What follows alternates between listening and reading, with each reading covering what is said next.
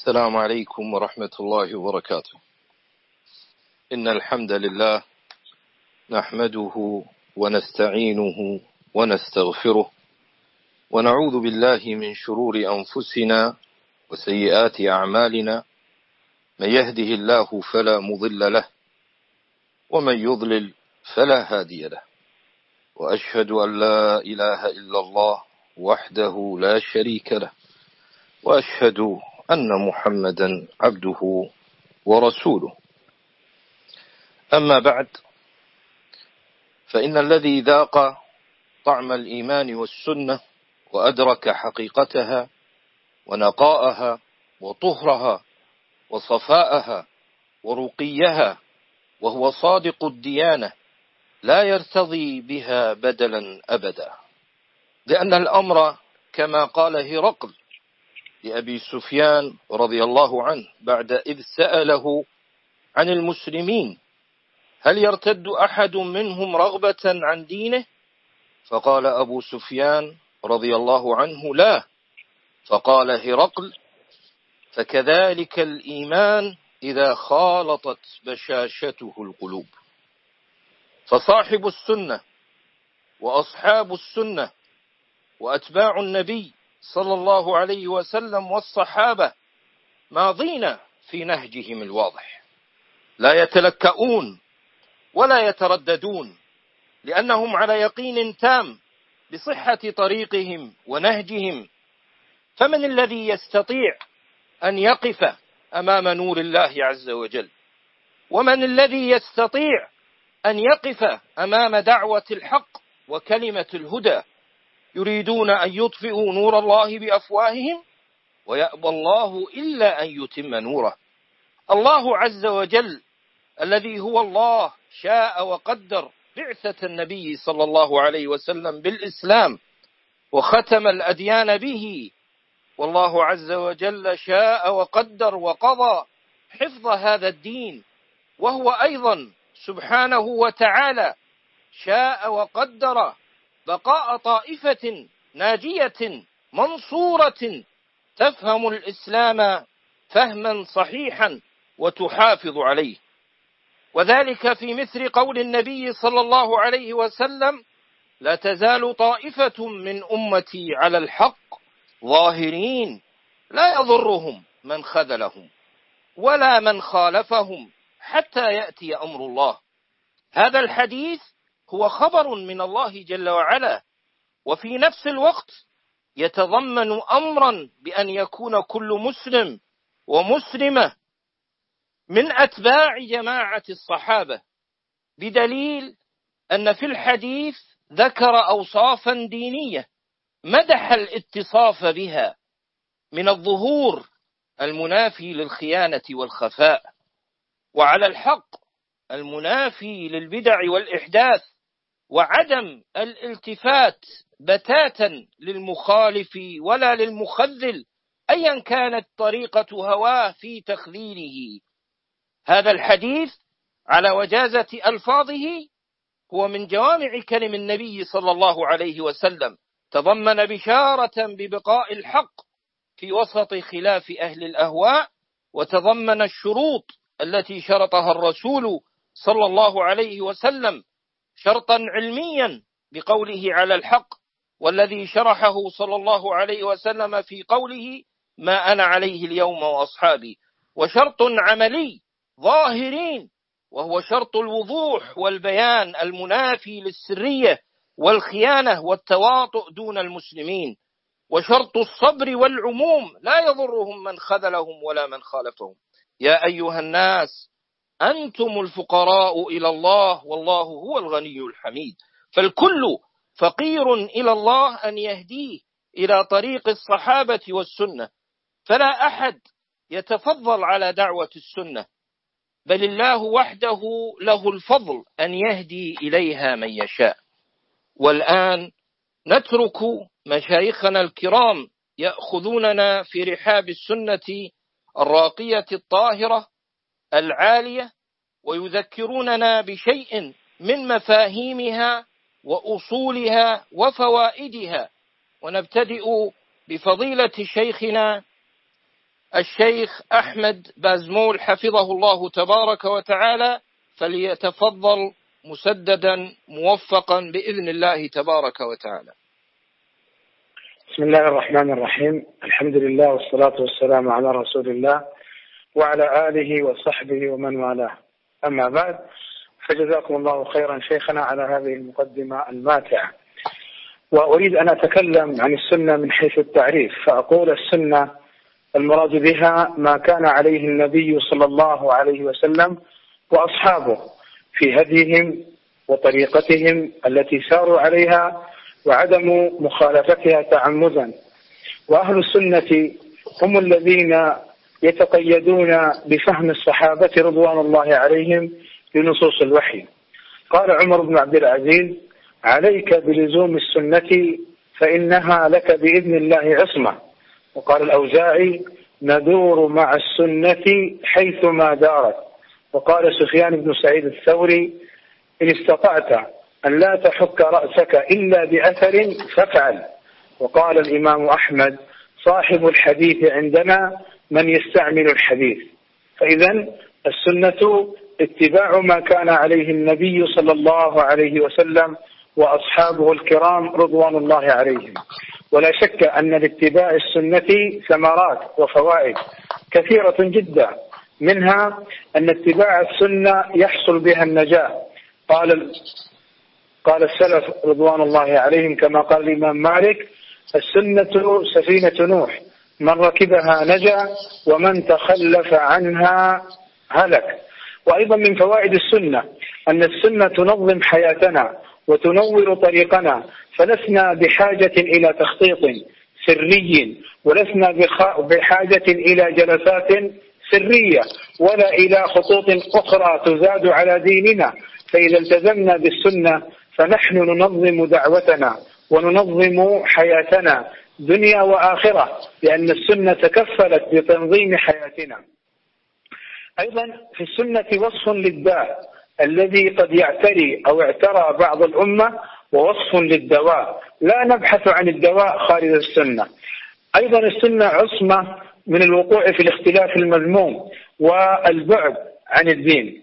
والسنة هي الحق الواجب على كل مسلم ومسلمة اتباعه. قال الله تعالى يا أيها الذين آمنوا أطيعوا الله وأطيعوا الرسول وأولي الأمر منكم. وقال صلى الله عليه وسلم من أطاعني فقد أطاع الله ومن عصاني فقد عصى الله. والسنة كما سبق معنا لا بد فيها من اتباع ما كان عليه الصحابة رضوان الله عليهم. قال ابن مسعود رضي الله عنه من كان منكم مستنا متأسيا فليتأسى بأصحاب رسول الله صلى الله عليه وسلم فإنهم كانوا على الهدى المستقيم. وقال الإمام أحمد السنة عندنا التمسك بما كان عليه أصحاب رسول الله صلى الله عليه وسلم والاقتداء بهم وترك البدع وكل بدعة فهي ضلالة.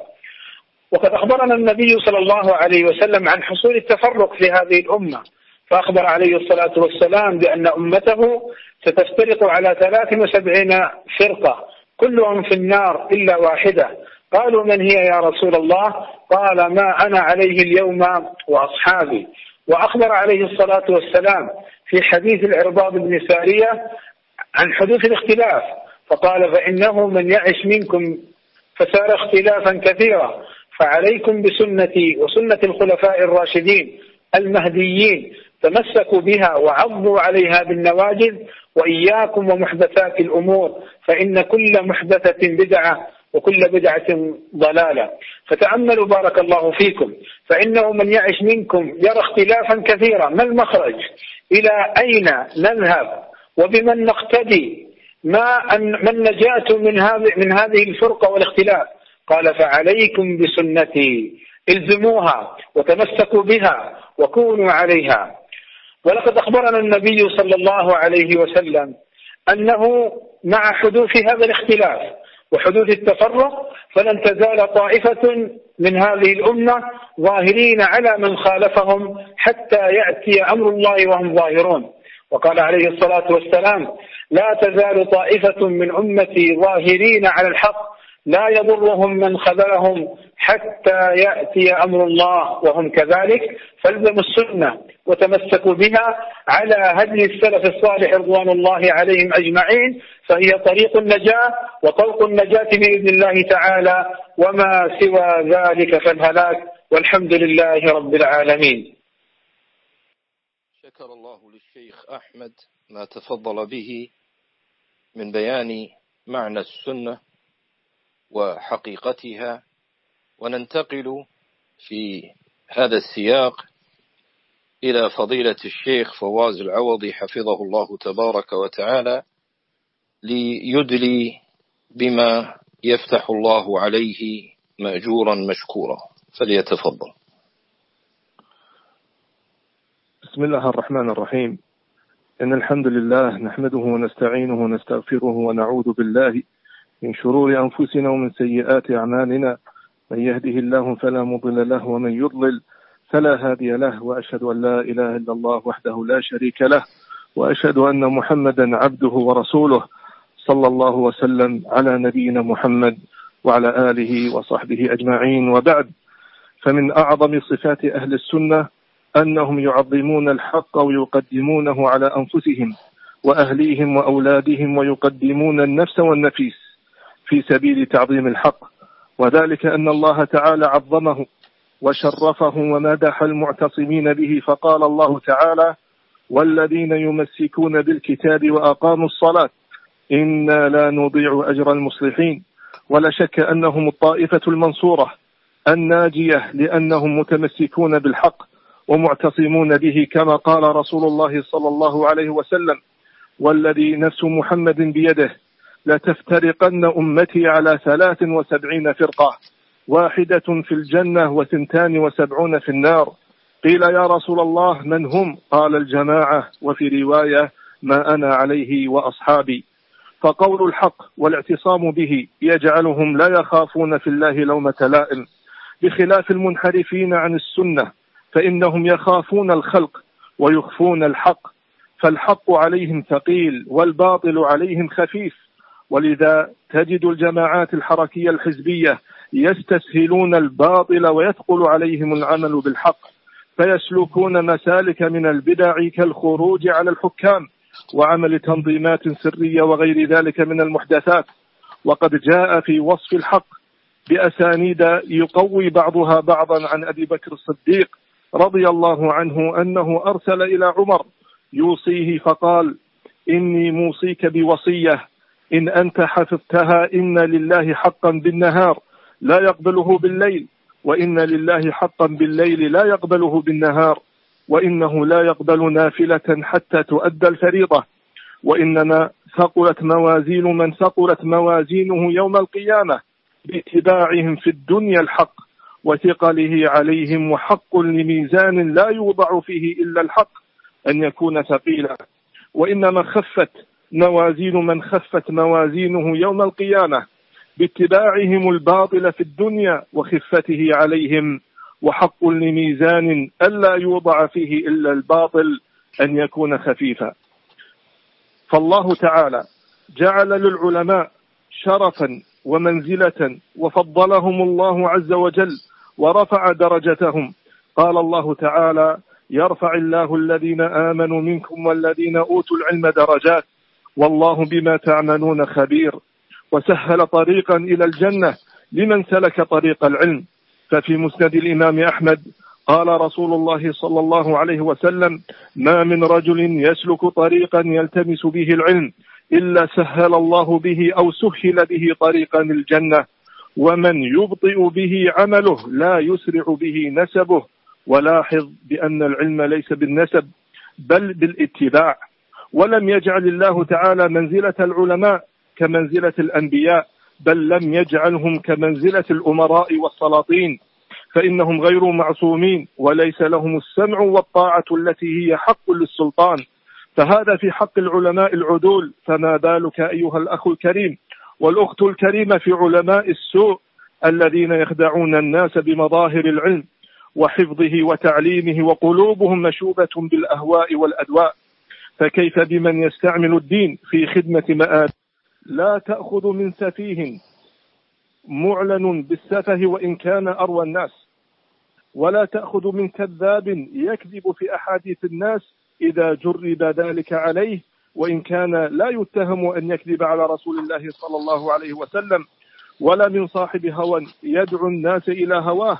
ولا من شيخ له فضل وعبادة إذا كان لا يعرف ما يحدث. والعلم المبني على الكتاب والسنة وما كان عليه الصحابة رضي الله عنهم هو الذي امتاز به أهل السنة. فالدين قائم على العلم والصدق واليقين لا على الظنون والتخرصات والأوهام والأكاذيب كما هو حاصل عند أهل الأهواء والبدع. فيتوهمون ويكذبون ثم يبنون علمهم على هذه الأوهام وهذا من أشد البلاء لمن انحرف عن السنة أقف هنا وصلى الله وسلم على نبينا محمد وعلى آله وصحبه أجمعين وأشكر مشايخنا الكرام كرام على هذا أو على هذه الكلمة وجزاكم الله خيرا. جزا الله الشيخ فواز أبو محمد حفظه الله تعالى خير الجزاء على ما أفاد. وننتقل إلى فضيلة الشيخ خالد بن عبد الرحمن آل جاد حفظه الله تبارك وتعالى. ليدلي بدلوه مشكورا مأجورا إن شاء الله تعالى. الحمد لله رب العالمين والصلاة والسلام على نبينا محمد وآله وصحبه وسلم أجمعين أما بعد. أحياكم الله إخواني وبارك الله فيكم وبارك الله في كلمات إخواني ونفع الله بالجميع. ووفق الله لما فيه رضاه أقول بارك الله فيكم. بدأ لي أن أذكر فائدة أو فوائد من حديث النبي صلى الله عليه وسلم الذي رواه مسلم ومطلعه. إني خلقت عبادي حنفاء كلهم. فيما يقول ربنا عز وجل. وفي هذا الحديث فقرات فيها فوائد عظيمة. أحببت أن أعلق على شيء يسير منها. وفي هذا الحديث العظيم قول النبي صلى الله عليه وسلم وإن الله أمرني أن أحرق قريشا فقلت ربي إذا يفلغ رأسي فيدعوه خبزا قال استخرجهم كما استخرجوه واغزهم نغزك وأنفق فسننفق عليك وابعث جيشا نبعث خمسة مثله وقاتل بمن أطاعك من عصاك. هكذا هدي النبي صلى الله عليه وسلم في تعليم وتأديب ربي له تبارك وتعالى. القيام بالحق. وهكذا جميع الأنبياء والرسل قاموا بالحق. الدعوة إلى الله جل وعلا. الدعوة إلى التوحيد ونبذ الشرك. الدعوة إلى لزوم الخير وإلى لزوم الهدي الذي كان عليه الأنبياء والرسل. الدعوة إلى ترك البدع. التي هي أضر على الإسلام من المعاصي التي دونها فالبدع هي الشر كله وهي أعظم ما يضر الإسلام بعد الشرك والكفر بالله. وصاحب الحق منصور ويجب أن يقوم به إرضاء لله عز وجل. ووعد الله من قام بالحق بالنصر. إنا لننصر رسلنا والذين آمنوا في الحياة الدنيا ويوم يقوم الأشهاد. وانظر رحمك الله كيف جمع الحديث بين القيام بالحق وبين رحمة الخلق. وفي الحديث نفسه أن النبي صلى الله عليه وسلم قال وأهل الجنة ثلاثة. ذو سلطان مقسط متصدق موفق ورجل رحيم رقيق القلب لكل ذي قربى ومسلم. فانظر كيف جعل النبي صلى الله عليه وسلم صفة الرحمة ورقة القلب التي في القلب لكل قربى ومسلم من علامات كون الرجل من أهل الجنة. فالله أمر عباده القيام بالحق وأمرهم برحمة الخلق. وقال الله جل وعلا واصفا نبيه الكريم عليه الصلاة والسلام وما أرسلناك إلا رحمة للعالمين. قال شيخ الإسلام ابن تيمية عند هذه الآية وما أرسلناك إلا رحمة للعالمين. قال وهذا من معنى كون من معنى كون محمد ما أرسل إلا رحمة للعالمين فهو رحمة في حق كل أحد بحسبه. حتى المكذبين له هو في حقهم رحمة أعظم مما كان غيره. ولهذا لما أرسل الله إليه ملك الجبال وعرض عليه أن يقلب عليهم الأخشبين قال لا أستأني بهم لعل الله أن يخرج من أصلابهم من يعبد الله وحده لا شريك له.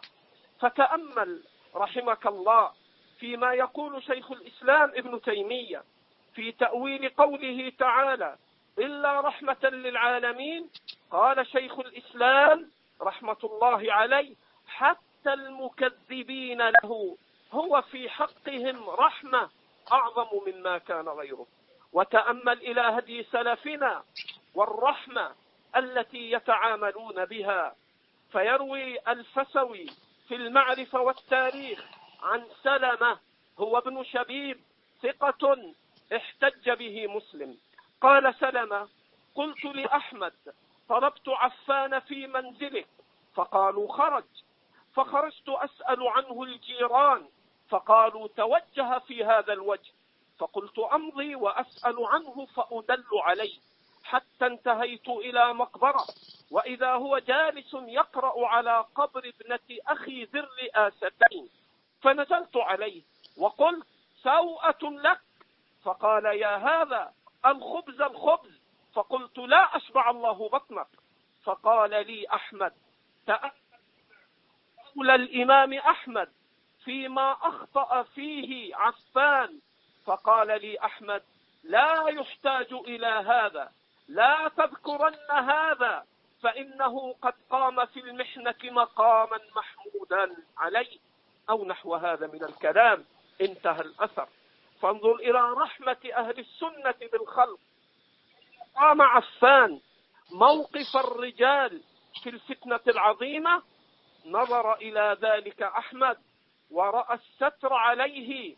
وقال لا يحتاج إلى هذا لا تذكرن هذا فإنه قد قام في المحنة مقاما محمودا عليه أو نحو هذا. وفي الحديث في آخره أن النبي صلى الله عليه وآله وسلم قال وإن الله أوحى إلي أن تواضع حتى لا يفخر أحد على أحد ولا يبغي أحد على أحد. هكذا لا يمكن أن يجمع الناس وأن تتآلف قلوبهم إلا بلزوم الحق والسنة واجتناب البدع والأهواء ثم أن يتخلقوا بأخلاق السنة وهو قوله صلى الله عليه وسلم إن الله أوحى إلي أمر من الله أن تواضعوا. ما هو التواضع حتى لا يفخر أحد على أحد ولا يبغي أحد على أحد؟ فالفخر والبغي في الباطل لا يمكن أن تتآلف معه القلوب وأن تجتمع على الخير. أسأل أن يوفق الجميع وأن يسدد أهل الحق وأهل السنة لما فيه رضاه والحمد لله رب العالمين. جزا الله الشيخ خالد خير الجزاء.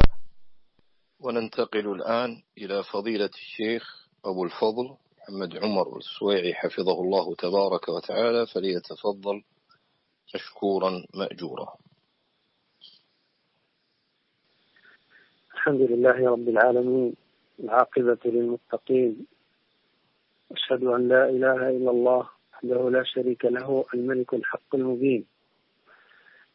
أجاز الله المشايخ خيرا على هذه الكلمات الطيبة وعلى هذه العبارات الموفقة والسنة ولله الحمد. تدعو إلى التواضع وإلى رحمة الخلق وتحريم السلطة والتجبر وإرادة العلو على الخلق. فإرادة العلو على الخلق إما بالعلم أو بالسلطة أو بالزهد أو بالمال أو بالجاه. ثم أن إرادة العلو على الخلق بأي صفة كانت ليست من صفات عباد الله بل هي من صفات المتكبرين. كما ذكر الله جل وعلا في كتابه الكريم إن فرعون علا في الأرض وجعل أهلها شيعا إلى أن قال إنه كان عالي من المفسدين. كما ذكر ذلك في مقابل صفات العباد المتقين فقال جل وعلا تلك الدار الآخرة نجعلها للذين لا يريدون علوا في الأرض ولا فسادا. فتأمل كيف قدم جل وعلا العلو على الفساد في الآيتين ذلك لأن العلو على الخلق هو سبب كل فساد واحتقار الغير. فالعلو هو التكبر عن الحق برده وعلى الخلق باحتقاره. فالعلو أحد أسباب عدم قبول الحق كما قال جل وعلا وجحدوا بها واستيقنتها أنفسهم ظلما وعلوا حتى قال بعض المفسرين في قوله تلك الدار الآخرة نزلت في أهل العدل والتواضع في الولاة وأهل القدرة من سائر الناس. نجعل نعيمها للذين لا يريدون تكبرا عن الحق في الأرض وتجبرا عنه ولا ظلم الناس بغير الحق. قد ذكر شيخ الإسلام رحمه الله ابن تيمية أن الناس في هذا الباب أربعة أقسام يريدون القسم الأول الذين يريدون العلو على الناس والفساد في الأرض وهو معصية الله وهؤلاء قال الملوك والرؤساء كفرعون وحزبه القسم الثاني الذين يريدون الفساد بلا علو الفساد بلا علو كالسراق ونحوهم. والقسم الثالث الذين يريدون العلو بلا فساد. الذين عندهم دين يريدون أن يعلوا به على غيرهم من الناس. ثم ذكر القسم الرابع وهم أهل الجنة الذين لا يريدون علوا في الأرض ولا فسادا فأنهم قد يكونون أعلى من غيرهم كما قال تعالى ولا تهنوا ولا تحزنوا أنتم الأعلون إن كنتم مؤمنين. فكم من مريد للعلو ولا يزيده ذلك إلا سفولا.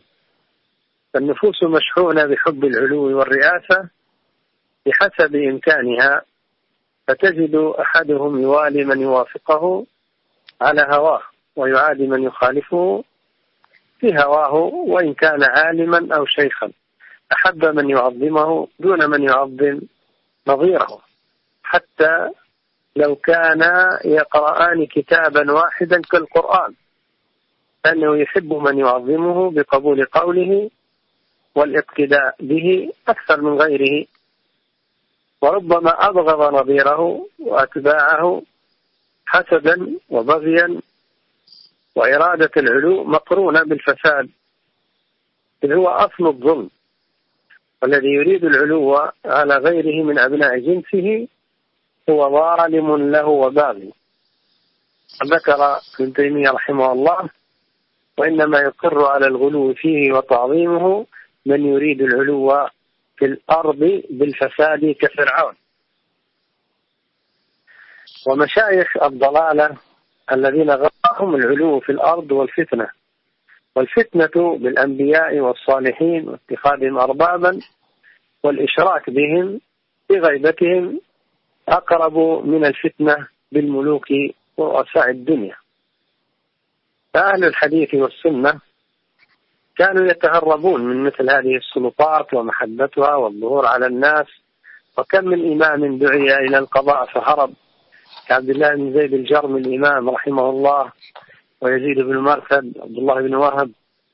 ومن تكبر على الناس وتعالى بالسلطة أو بغيرها ذل. والعلو والتعالي هو نصيب الجهلة الأوفر. الذي يتعالى على غيره كالذي كالطير يعلو في السماء ويتراءى للناس أصغر ما يكون. وفتنة الإنسان وتعاظمه وتعاليه بالعلم كذلك هذا من العلو فإن للعلم طغيانا كما قال ابن المبارك رحمه الله كطغيان المال. وقد ذكر المنبه رحمه الله كما ذكر الفسوي في المعرفة والتاريخ أحمد وغيرهم وكل من رق دينه طغى بعلمه. كل من رق دينه طغى بعلمه. فالعلم يهذب الإنسان ويرقق قلبه ويدعو إلى غيره إلى الخير وإلى الصلاح. وحديث رسول الله صلى الله عليه وسلم ليس منا بدعيد ما ذئبان جائعان أرسلا في غني في زريبة غنم بأشد لها من حرص المال أو حرص المرء على المال والشرف. وأما من أحب السلطة والعلو والطغى يلزم ذلك طغيانه وتعديه على الغير. كما قال الفضيل رحمه الله ما من أحد أحب الرئاسة إلا حسد وبغى وتتبع عيوب الناس وكره أن يذكر أحد عنده بخير. وهذه الآية موجودة عند كثير من الناس كما قال إسحاق بن خلف رحمه الله والله الذي لا إله غيره لإزالة الجبال الرواسي أيسر من إزالة حب الرئاسة. نسأل الله جل وعلا أن يوفقنا لكل خير وأن يحفظ إخواننا ويعصمنا من هذا المرض. وصلى الله وسلم على سيدنا محمد وعلى آله وصحبه آمين. أجمعين. آمين. آمين. جزا الله الشيخ أبو الفضل خيرا على ما أفاد. وننتقل في إلى فضيلة الشيخ أبي العباس عادل منصور الباشا حفظه الله تبارك وتعالى فليتفضل. السلام عليكم ورحمة الله وبركاته. عليكم السلام ورحمة الله جميعا بكل خير. وجزاكم الله خيرا أن أكرمتموني وشرفتموني بهذه المشاركة مع هؤلاء المشايخ الفضلاء. أسأل الله عز وجل أن يثبتنا وإياهم على السنة الواضحة الظاهرة إلى أن نلقاه تبارك وتعالى غير مبدلين ولا مغيرين. ولا راجعين القهقرة. وأسأل الله تبارك وتعالى أن يأخذ بأيدينا وأيديكم إلى كل خير. وجزى الله الشيخ أحمد السبيعي حفظه الله. إذ افتتح هذه الندوة وهذا اللقاء في وصف عظيم لأهل السنة وحملة هذه الدعوة أن دعوتهم ظاهرة لأنها هي نفسها ظاهرة بينة واضحة. وقد روى مالك في الموطأ بسنده الصحيح عن سعيد بن المسيب عن عمر بن الخطاب أنه خطب الناس في المدينة فقال أيها الناس قد سنت لكم السنن وفرضت لكم الفرائض وتركتم على الواضحة إلا أن تضلوا بالناس يمينا وشمالا وضرب بإحدى يديه على الأخرى رضي الله عنه وأرضاه. فهذه السنة هي دين الله تبارك وتعالى ووحيه المنزل وهي هدي رسول الله صلى الله عليه وسلم وطريقة أصحابه رضوان الله عليهم أجمعين. فهي ظاهرة بينة للجميع لأتباعها والمؤمنين بها ولأعدائها. فهي ظاهرة بينة واضحة. وأحب أن أتكلم عن وضوحها في غاياتها ووسائلها باختصار شديد. لأن الوقت والاتصال أيضا له ظروفه ونسأل الله عز وجل أن يهيئ للمشايخ لقاءات متكررة فيها أو بيان أوضح وتجلية لأمور كثيرة. فأقول بارك الله فيكم هذا الوصف العظيم للسنة أنها واضحة جلية نقية صافية ظاهرها كباطنها وباطنها كظاهرها. وقد قال صلى الله عليه وسلم تركتكم على البيضاء ليلها كنهارها لا يزيغ عنها بعدي إلا هالك. أي تركتكم عليها واضحة جلية. فهذه السنة النبوية هي دين الله تبارك وتعالى التي كلف بها عباده أجمعين من الثقلين من الإنس والجن. وسأتحدث عن صفتها في بعض النقاط. النقطة الأولى أن السنة النبوية ودعوة السنة وصاحب السنة ظاهر واضح في غاياته ووسائله فغايته تعبيد الناس لله بالحق الذي أنزله الله عز وجل. ليس له غاية في من وراء دعوة السنة إلا أن يعبد الناس ربهم على الوجه الذي شرعه الله تبارك وتعالى. ووسائلها كذلك مشروعة. فليست تبرر لنفسها وسائل محرمة أو ممنوعة فليست على قاعدة الجماعات البدعية الغاية تبرر الوسيلة. ودعوة السنة ظاهرة نقية ليس فيها مكر ولا خديعة ولا تقية كما عليها تلكم الجماعات من تأثر بها. ولا تعجب أخي الكريم ممن تتابع هذه الكلمة لما أكرر دائما الجماعات الجماعات. أقول إن صفات دعوة السنة ووضوحها ونقاءها وبعدها عن التقية والكذب والخداع وغير ذلك من الصفات الذميمة يخاطب بها صنفان من الناس. الصنف الأول أن يذكر المنحرفون عن جادة السنة كالجماعات الإسلامية والحزبية الدعوية والسياسية.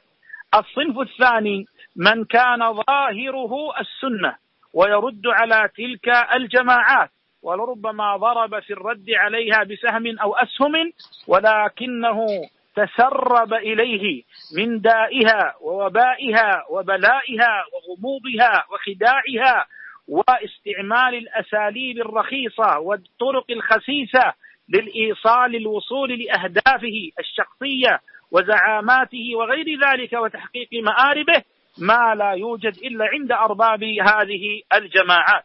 وهذا الصنف الثاني ضرره أخطر وشره أخطر إذ هو بإظهاره السنة ودعوة السنة الواضحة الجلية التي من صفاتها أنها تطرد الصفات النفاقية. دعوة السنة تطرد الصفات النفاقية ومن ذلك أن يكون المرء ذا وجهين وذا لسانين. كما جاءت بها النصوص. دعوة السنة واضحة مع المسلمين على قسميهم ولاة أمورهم أو شعوبهم وعامتهم. وهكذا سواء كانت كان دعوة ولي أمر السني في بلده أو ولي أمر دولة أخرى إسلامية. فدعوة السنة واضحة للجميع تدعو للجميع للسمع والطاعة للجميع وتظهر النصح لهم في وتظهر الدعوة إلى الطاعة لهم بالمعروف وإلى لزوم غرز جماعة المسلمين وإمامهم كما أمر النبي صلى الله عليه وعلى وسلم لا تحابي لا تجامل لا تلتقي في الأحكام ولا تبيح لذا ما تحرمه لذاك ولا العكس من ذلك. وهكذا دعوة السنة واضحة للكفار في معاملتها للكفار وغير المسلمين فهي تعاملهم معاملة بأحكام الله الظاهرة المشروعة لا غدر في ذلك ولا شيء. ودعوني حفظكم الله أذكر نفسي وإخواني. فقد بوب البخاري في باب ما يكره من ثناء السلطان وإذا خرج قال غير ذلك ذكر أثر ابن عمر آه لما قيل له إن ندخل على السلطان فنقول لهم خلاف ما نتكلم إذا خرجنا من عندهم. قال كنا نعد هذا نفاقا. وبعده مباشرة أخرج رحمه الله حديث أبي هريرة رضي الله عنه إن شر الناس إن شر الناس ذو الوجهين الذي يأتي هؤلاء بوجه وهؤلاء بوجه. نعم إن كثيرا إن أبناء هذه الجماعات ومن تأثر بها ممن ظاهره السنة في تعاملهم مع ولاة الأمر يتعاملون على هذا الوجه المذموم أن يتعاملوا بوجهين وجه عند الحاكم ووجه عند الأتباع أو وجه عند هذا الحاكم ووجه عند الحاكم الآخر. هذا من التعامل بالوجهين. وقد بوب له البخاري بما سمعتم وأخرج حديث ذي الوجهين بعد حديث ابن عمر أنهم كانوا لما سئل عمن يدخل على ولي الأمر فيقول له كلاما فإذا خرج قال بخلاف قال كنا نعد هذا نفاقا. وقد روى كذلك البخاري وغيره من حديث أبي هريرة ما ينبغي لذي الوجهين أن يكون أمينا وانظروا طرقه في الصحيحة الألباني. وهكذا روى ابن أبي شيبة عن عكرمة بسند صحيح عنه لقمين أي جدير ذو الوجهين ألا يكون عند الله أمينا وهكذا قوله صلى الله عليه وسلم من كان له وجهان في الدنيا كان له يوم القيامة لسانان من نار وله شواهد عن أنس وغيره وصححه الألباني بها في الصحيحة فراجعوه. فهكذا أهل السنة ودعوة السنة تطرد وتنقي القلوب والألسن والجوارح من صفات النفاق الذميمة ومن كل وصف ذميم لم يعني نفاه الله تبارك وتعالى ونهانا عنه في الكتاب وفي السنة. فهذا صدق السنة ووضوحها وجلاؤها في التعامل مع ولاة أمرها. وهكذا التعامل مع عموم المسلمين من الرعية على دين حديث الدين النصيحة قال ولأئمة المسلمين وعامتهم. وحديث زيد بن ثابت ثلاث لا يغل عليهن قلب امرئ مسلم. إخلاص العمل لله ومناصحة ولاة الأمر ولزوم جماعة المسلمين فإن دعوتهم تحيط من وراءهم أو من ورائهم. وهكذا وضوحهم حتى مع أعدائهم. فقد روى الإمام الترمذي وغيره وصححه الألباني من حديث سليم بن عامر قال كان بين معاوية وبين أهل الروم عهد وكان يسير في بلادهم حتى إذا انقضى العهد أغار عليهم. أي أنه بدأ يتقدم شيئا فشيئا ويجهز في جيشه انتظار أن تنتهي مدة الصلح والعهد ثم يغير. قال فإذا رجل على دابة أو على فرس وهو يقول الله أكبر وفاء لا غدر وإذا هو عمرو بن عبس فسأله معاوية فقال سمعت رسول الله صلى الله عليه وسلم يقول من كان بينه وبين قوم عهد فلا يشد عقدة ولا يحلها حتى ينقضي أمدها أو ينبذ إليهم على سواء فرجع معاوية. رضي الله عنهم وأرضاهم. لا يشد عقدة ولا يحلها. لا يجري أي تحرك ما دام بينه وبين عدوه. ذلكم العهد. وكما روى مسلم في صحيحه عن حذيفة بن اليمان رضي الله عنه وأرضاه لما أخبر عن قصته مع أبيه وأنه خرج فقال له كفار قريش إنكم تريدون أن تذهبوا لمحمد وتقاتلوا معه. قال فأخذوا منا عهد الله وميثاقه لننصرفن إلى المدينة ولا نقاتل معه. فأتينا رسول الله صلى الله عليه وسلم فأخبرناه الخبر. فقال انصرفا نفي لهم بعهدهم ونستعين الله عليهم. نعم وهكذا مع ولاة الأمور. فإن من عدم النصح عدم الصدق وعدم الوضوح في المبايعة لهم. وقد خرج البخاري عن أبي هريرة قال صلى الله عليه وسلم ثلاثة لا يكلمهم الله ولا ينظر إليهم ولا يزكيهم ولهم عذاب أليم وذكر رجلا بايع إماما لا يبايع إلا للدنيا فإن أعطاه ما يريد وفاله وإن لم يفي له. كل هذا الذي ذكرته وغيره كثير كل هذا نفي من السنة بكل الصفات الذميمة. دعوة السنة ولله الحمد واضحة بل جلية بينة ليست بحاجة في أمر الدين إلى أن تتخفى هنا أو هناك وراء ذا أو ذاك أو تخادع المسلمين. وإن أخطر ما يكون أيها الإخوة في هذه المخالفات أمران. الأمر الأول أن تشرع هذه المخالفات.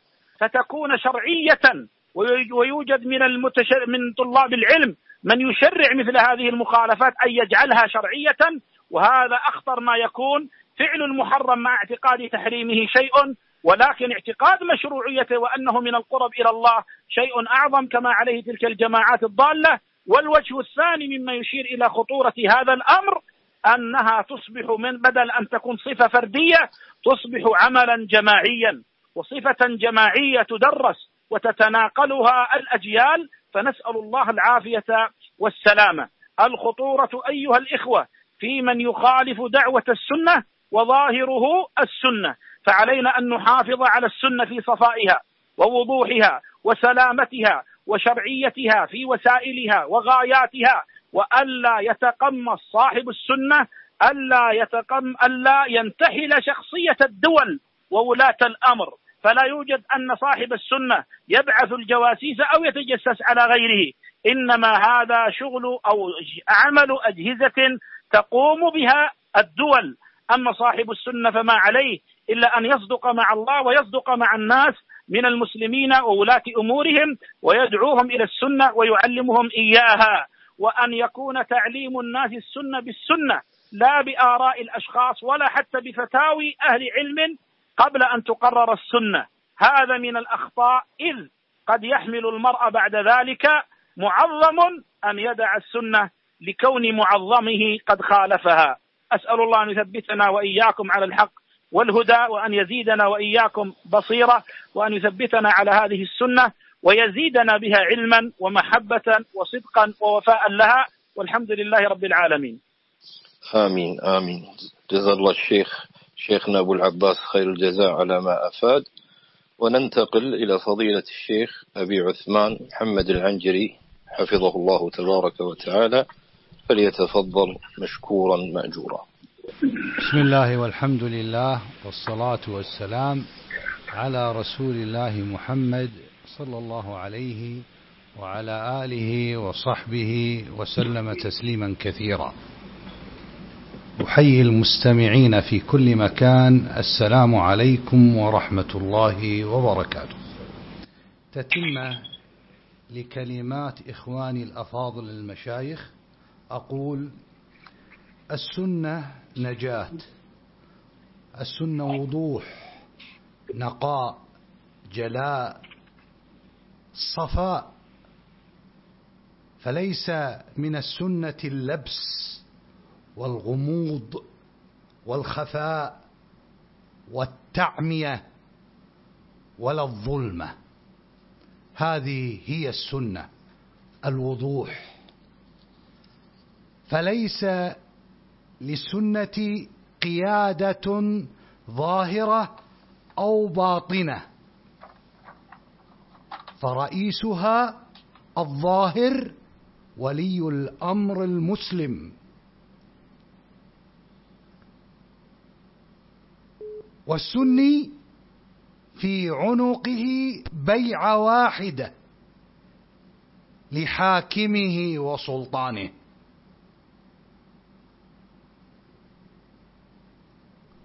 وقيادتها السنة قيادتها العلمية ما كان عليه النبي صلى الله عليه وسلم والصحابة. ثم يستفاد من أهل العلم الظاهرين الناصحين كل بحسبه وكل المسلمين في السنة إخوان. دون النظر إلى أنسابهم أو أقاليمهم. فأهل السنة هم أهل تحاب وتناصر وتعاون على البر والتقوى. ومن أصول أهل السنة أنهم يبايعون ولا ينزعون اليد من طاعة لولي أمرهم. والطاعة لولي الأمر غير مشروطة بعدله أو ظلمه أي سواء كان ظالما أو عدلا أو عادلا فله السمع والطاعة. لقول النبي صلى الله عليه وسلم ستكون بعدي أثرة وأمور تنكرونها. ماذا قال لمن خرج عن العدل منهم؟ قال صلى الله عليه وسلم تؤدون الحق الذي عليكم وتسألون الله الذي لكم. متفق عليه. إذا الطاعة لولي الأمر واجبة علينا. فيما فيه خير أو شر علينا. كما قال صلى الله عليه وسلم عليك السمع والطاعة في يسرك وعسرك ومنشطك ومكرهك وأثرة عليك. رواه مسلم. هكذا السني. فهو خاضع لعبودية الله ويتكلم بوضوح وجلاء.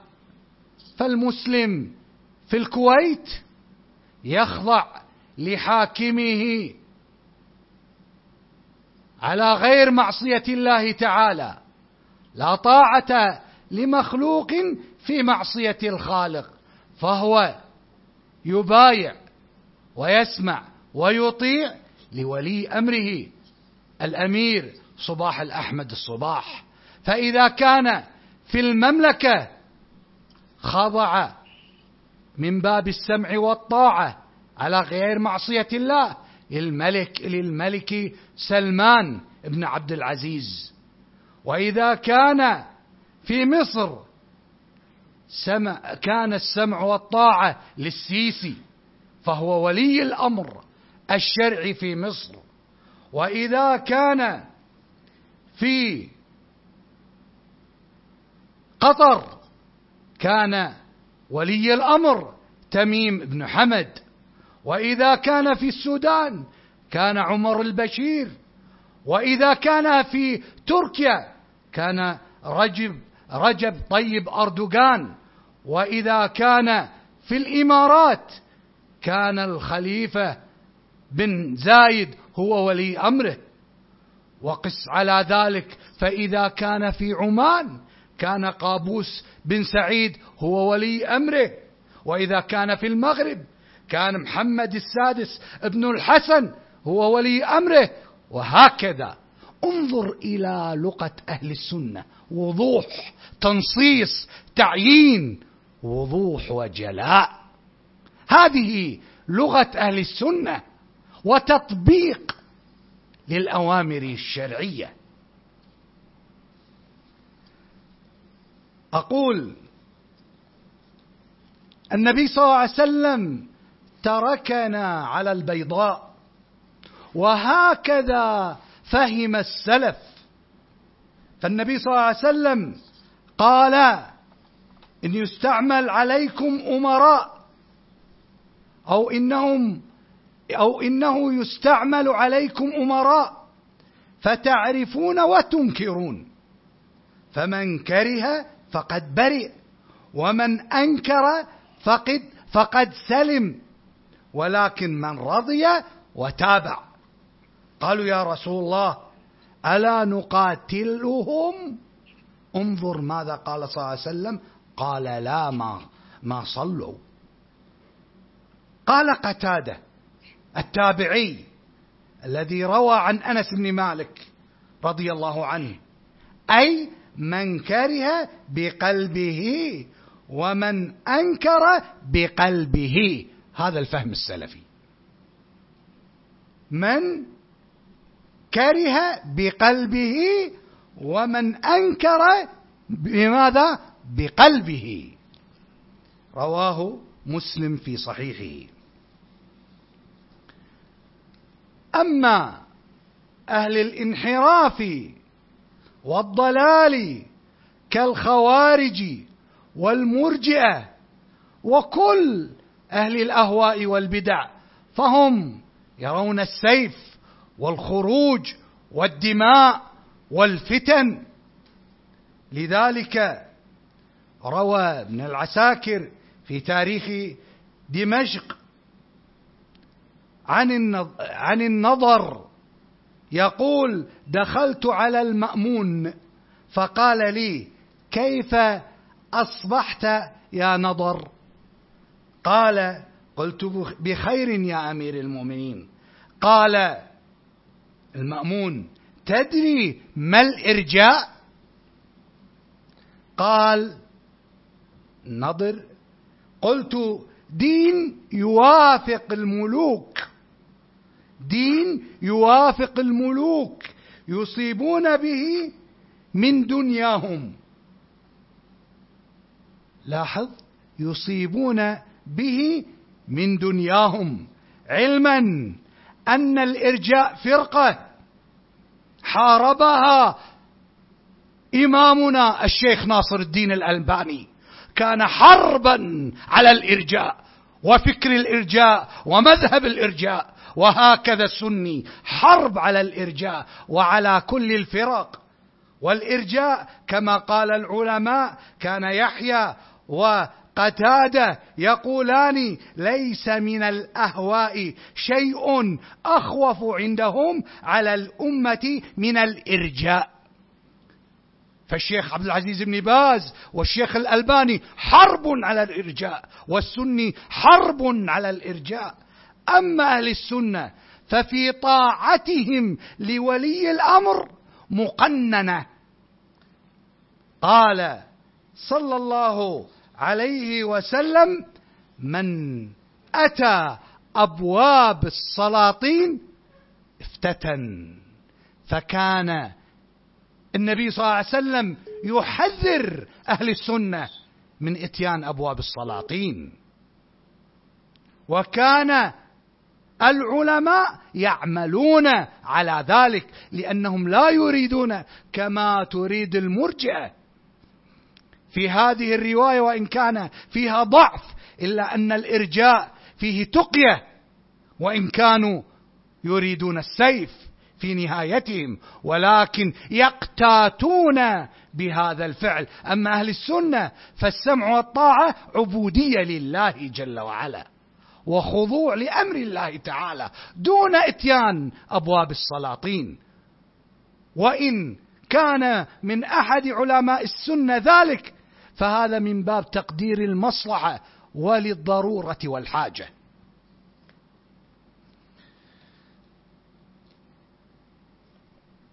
والسني كما قلت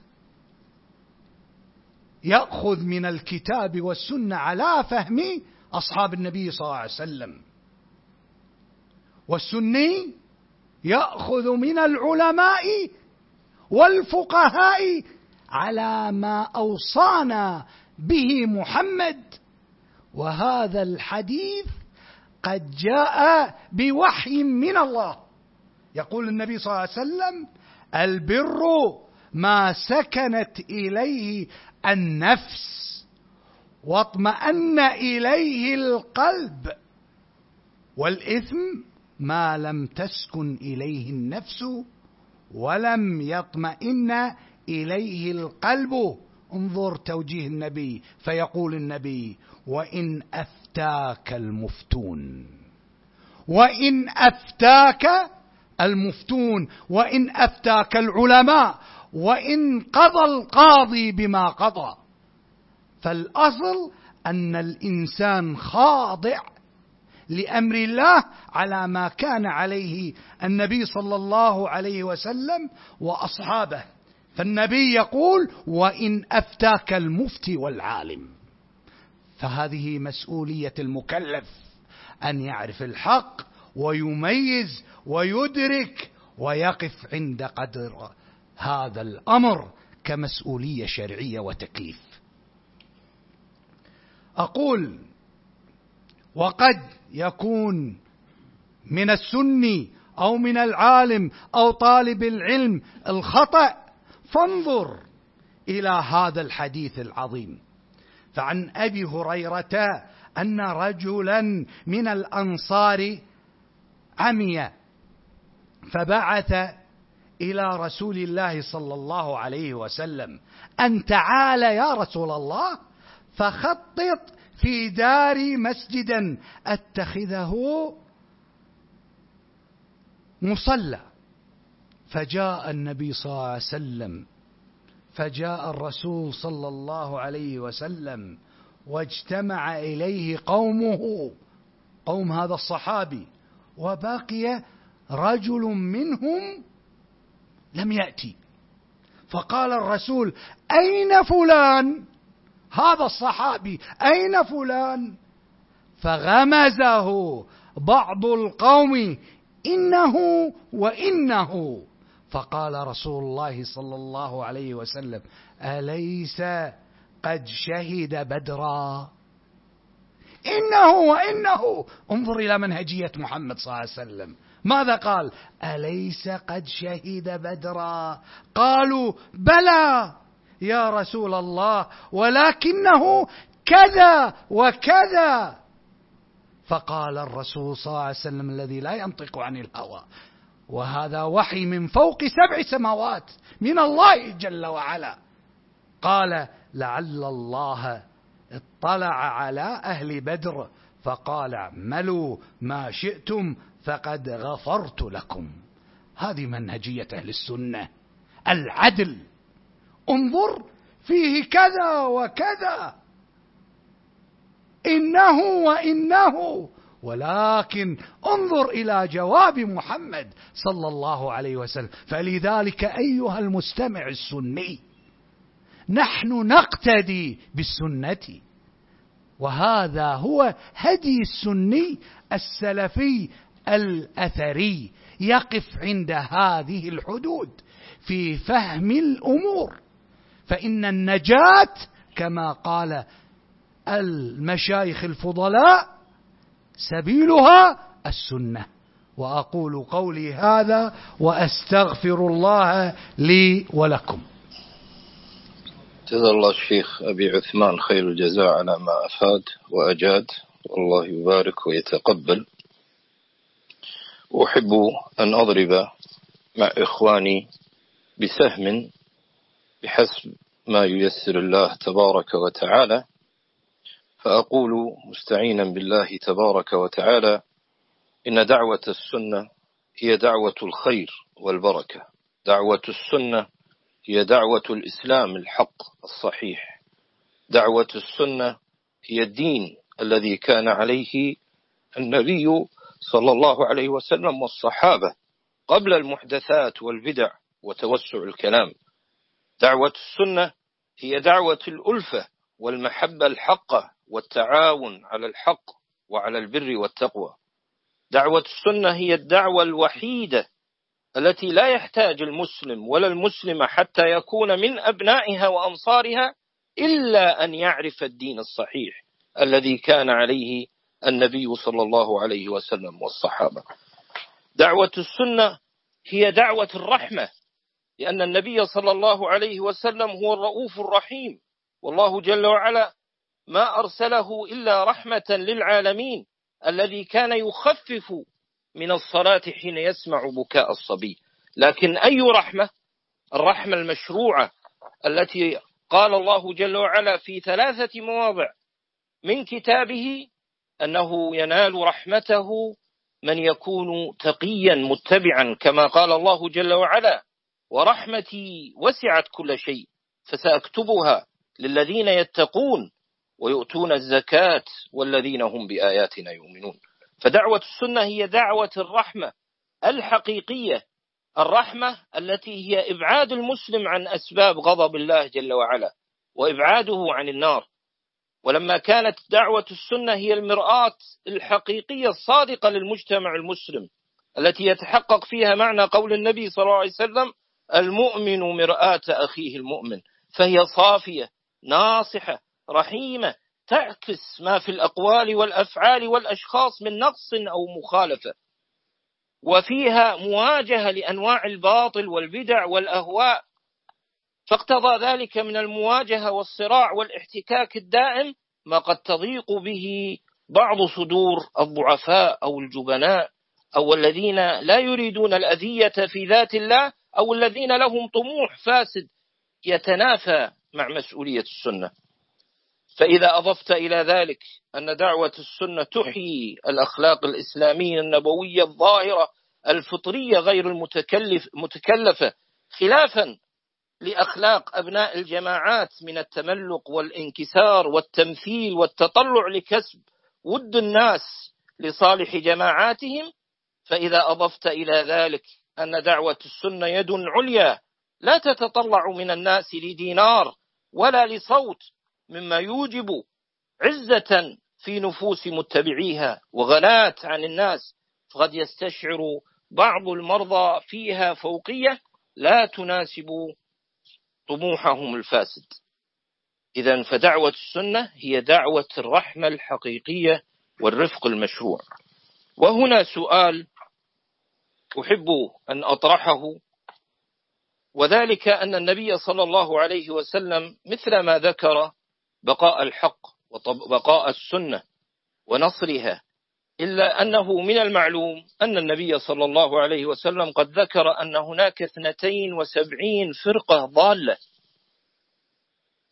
منذ أكثر من ألف وثلاثمائة عام ابتدأت بالخوارج والمرجئة إلى غير ذلك من أنواع الفرق مرورا بالجهمية إلى المعتزلة الأشعرية إلى أن جئنا إلى الستين والثمانين والتسعين سنة الماضية والتي نشأت فيها امتداد لهذه الفرق ألا وهي الجماعات الإسلامية السياسية التي حرصت تمام الحرص في كل مسيرها أن توهم الناس أنها لا تعارض السنة. وخاصة التي حاولت أن تجمع بين السنة ومذهب الإخوان المسلمين وهي في حقيقتها إنما هي نسخ مطورة من جماعة الإخوان المسلمين. فهنا قد يقول قائل أو يدور في خلد صاحب سنة أو مسلم اثنتين وسبعين فرقة خلال 1300 سنة. ماذا كتبت؟ ماذا قالت؟ جهود حثيثة في العمل السياسي في كذا في كذا في كذا وصلوا إلى كل حدب وصوب حتى أحاطوا بكل مسجد وبكل مكان فهنا قد يضيق صدور بعض المؤمنين ويظن أنه لا سبيل لدحض هذا الباطل.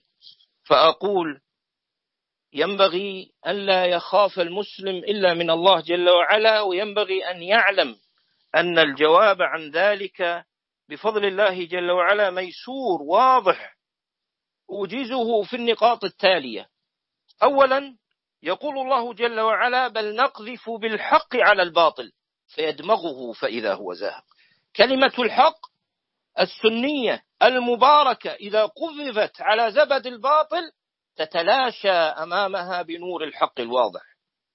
الثاني أن النبي صلى الله عليه وسلم ابتداء أرشد إلى الطريق المختصر الممكن التطبيق والعمل به وهو الرجوع إلى ما كان عليه النبي صلى الله عليه وسلم وأصحابه وهذا مادته ميسورة واضحة في الوحي وآثار الصحابة لكل مسلم. والأمر الثالث أن الله تبارك وتعالى قد وعد وعده الحق بنصر أهل السنة ونصر أوليائه في مواضع من كتابه كقوله تعالى وكان حقا علينا نصر المؤمنين وقوله تبارك وتعالى ولقد سبقت كلمتنا لعبادنا المرسلين إنهم لهم المنصورون وإن جندنا لهم الغالبون. وقال تعالى إنا لننصر رسلنا والذين آمنوا في الحياة الدنيا ويوم يقوم الأشهاد. فأبشر أخي المسلم أبشروا بنصر السنة وظهورها. وآن الأوان لينصر المسلمون دينهم الحق السنة بعيدا عن هذه الجماعات. آن الأوان ليرى الناس السنة في أبهى صورة ويرون آدابها الحقيقية وأخلاقها العليا. آن الأوان أن يرى المسلمون الفرقان التام بين السنة والجماعات. آن الأوان أن يصل الفرقان إلى فضح أقوام لم ترضهم السنة وتطهرهم حق التطهر بتقصيرهم وخيانتهم فبقيت في نفوسهم من أدران الجماعات وأجوائها وطرقها, وطرقها ما بقي. آن الأوان ليقطع الطريق على هذه الجماعات ألا تجرب بأبنائنا ودولنا ودمائنا كما جربت القومية واليسارية من قبل.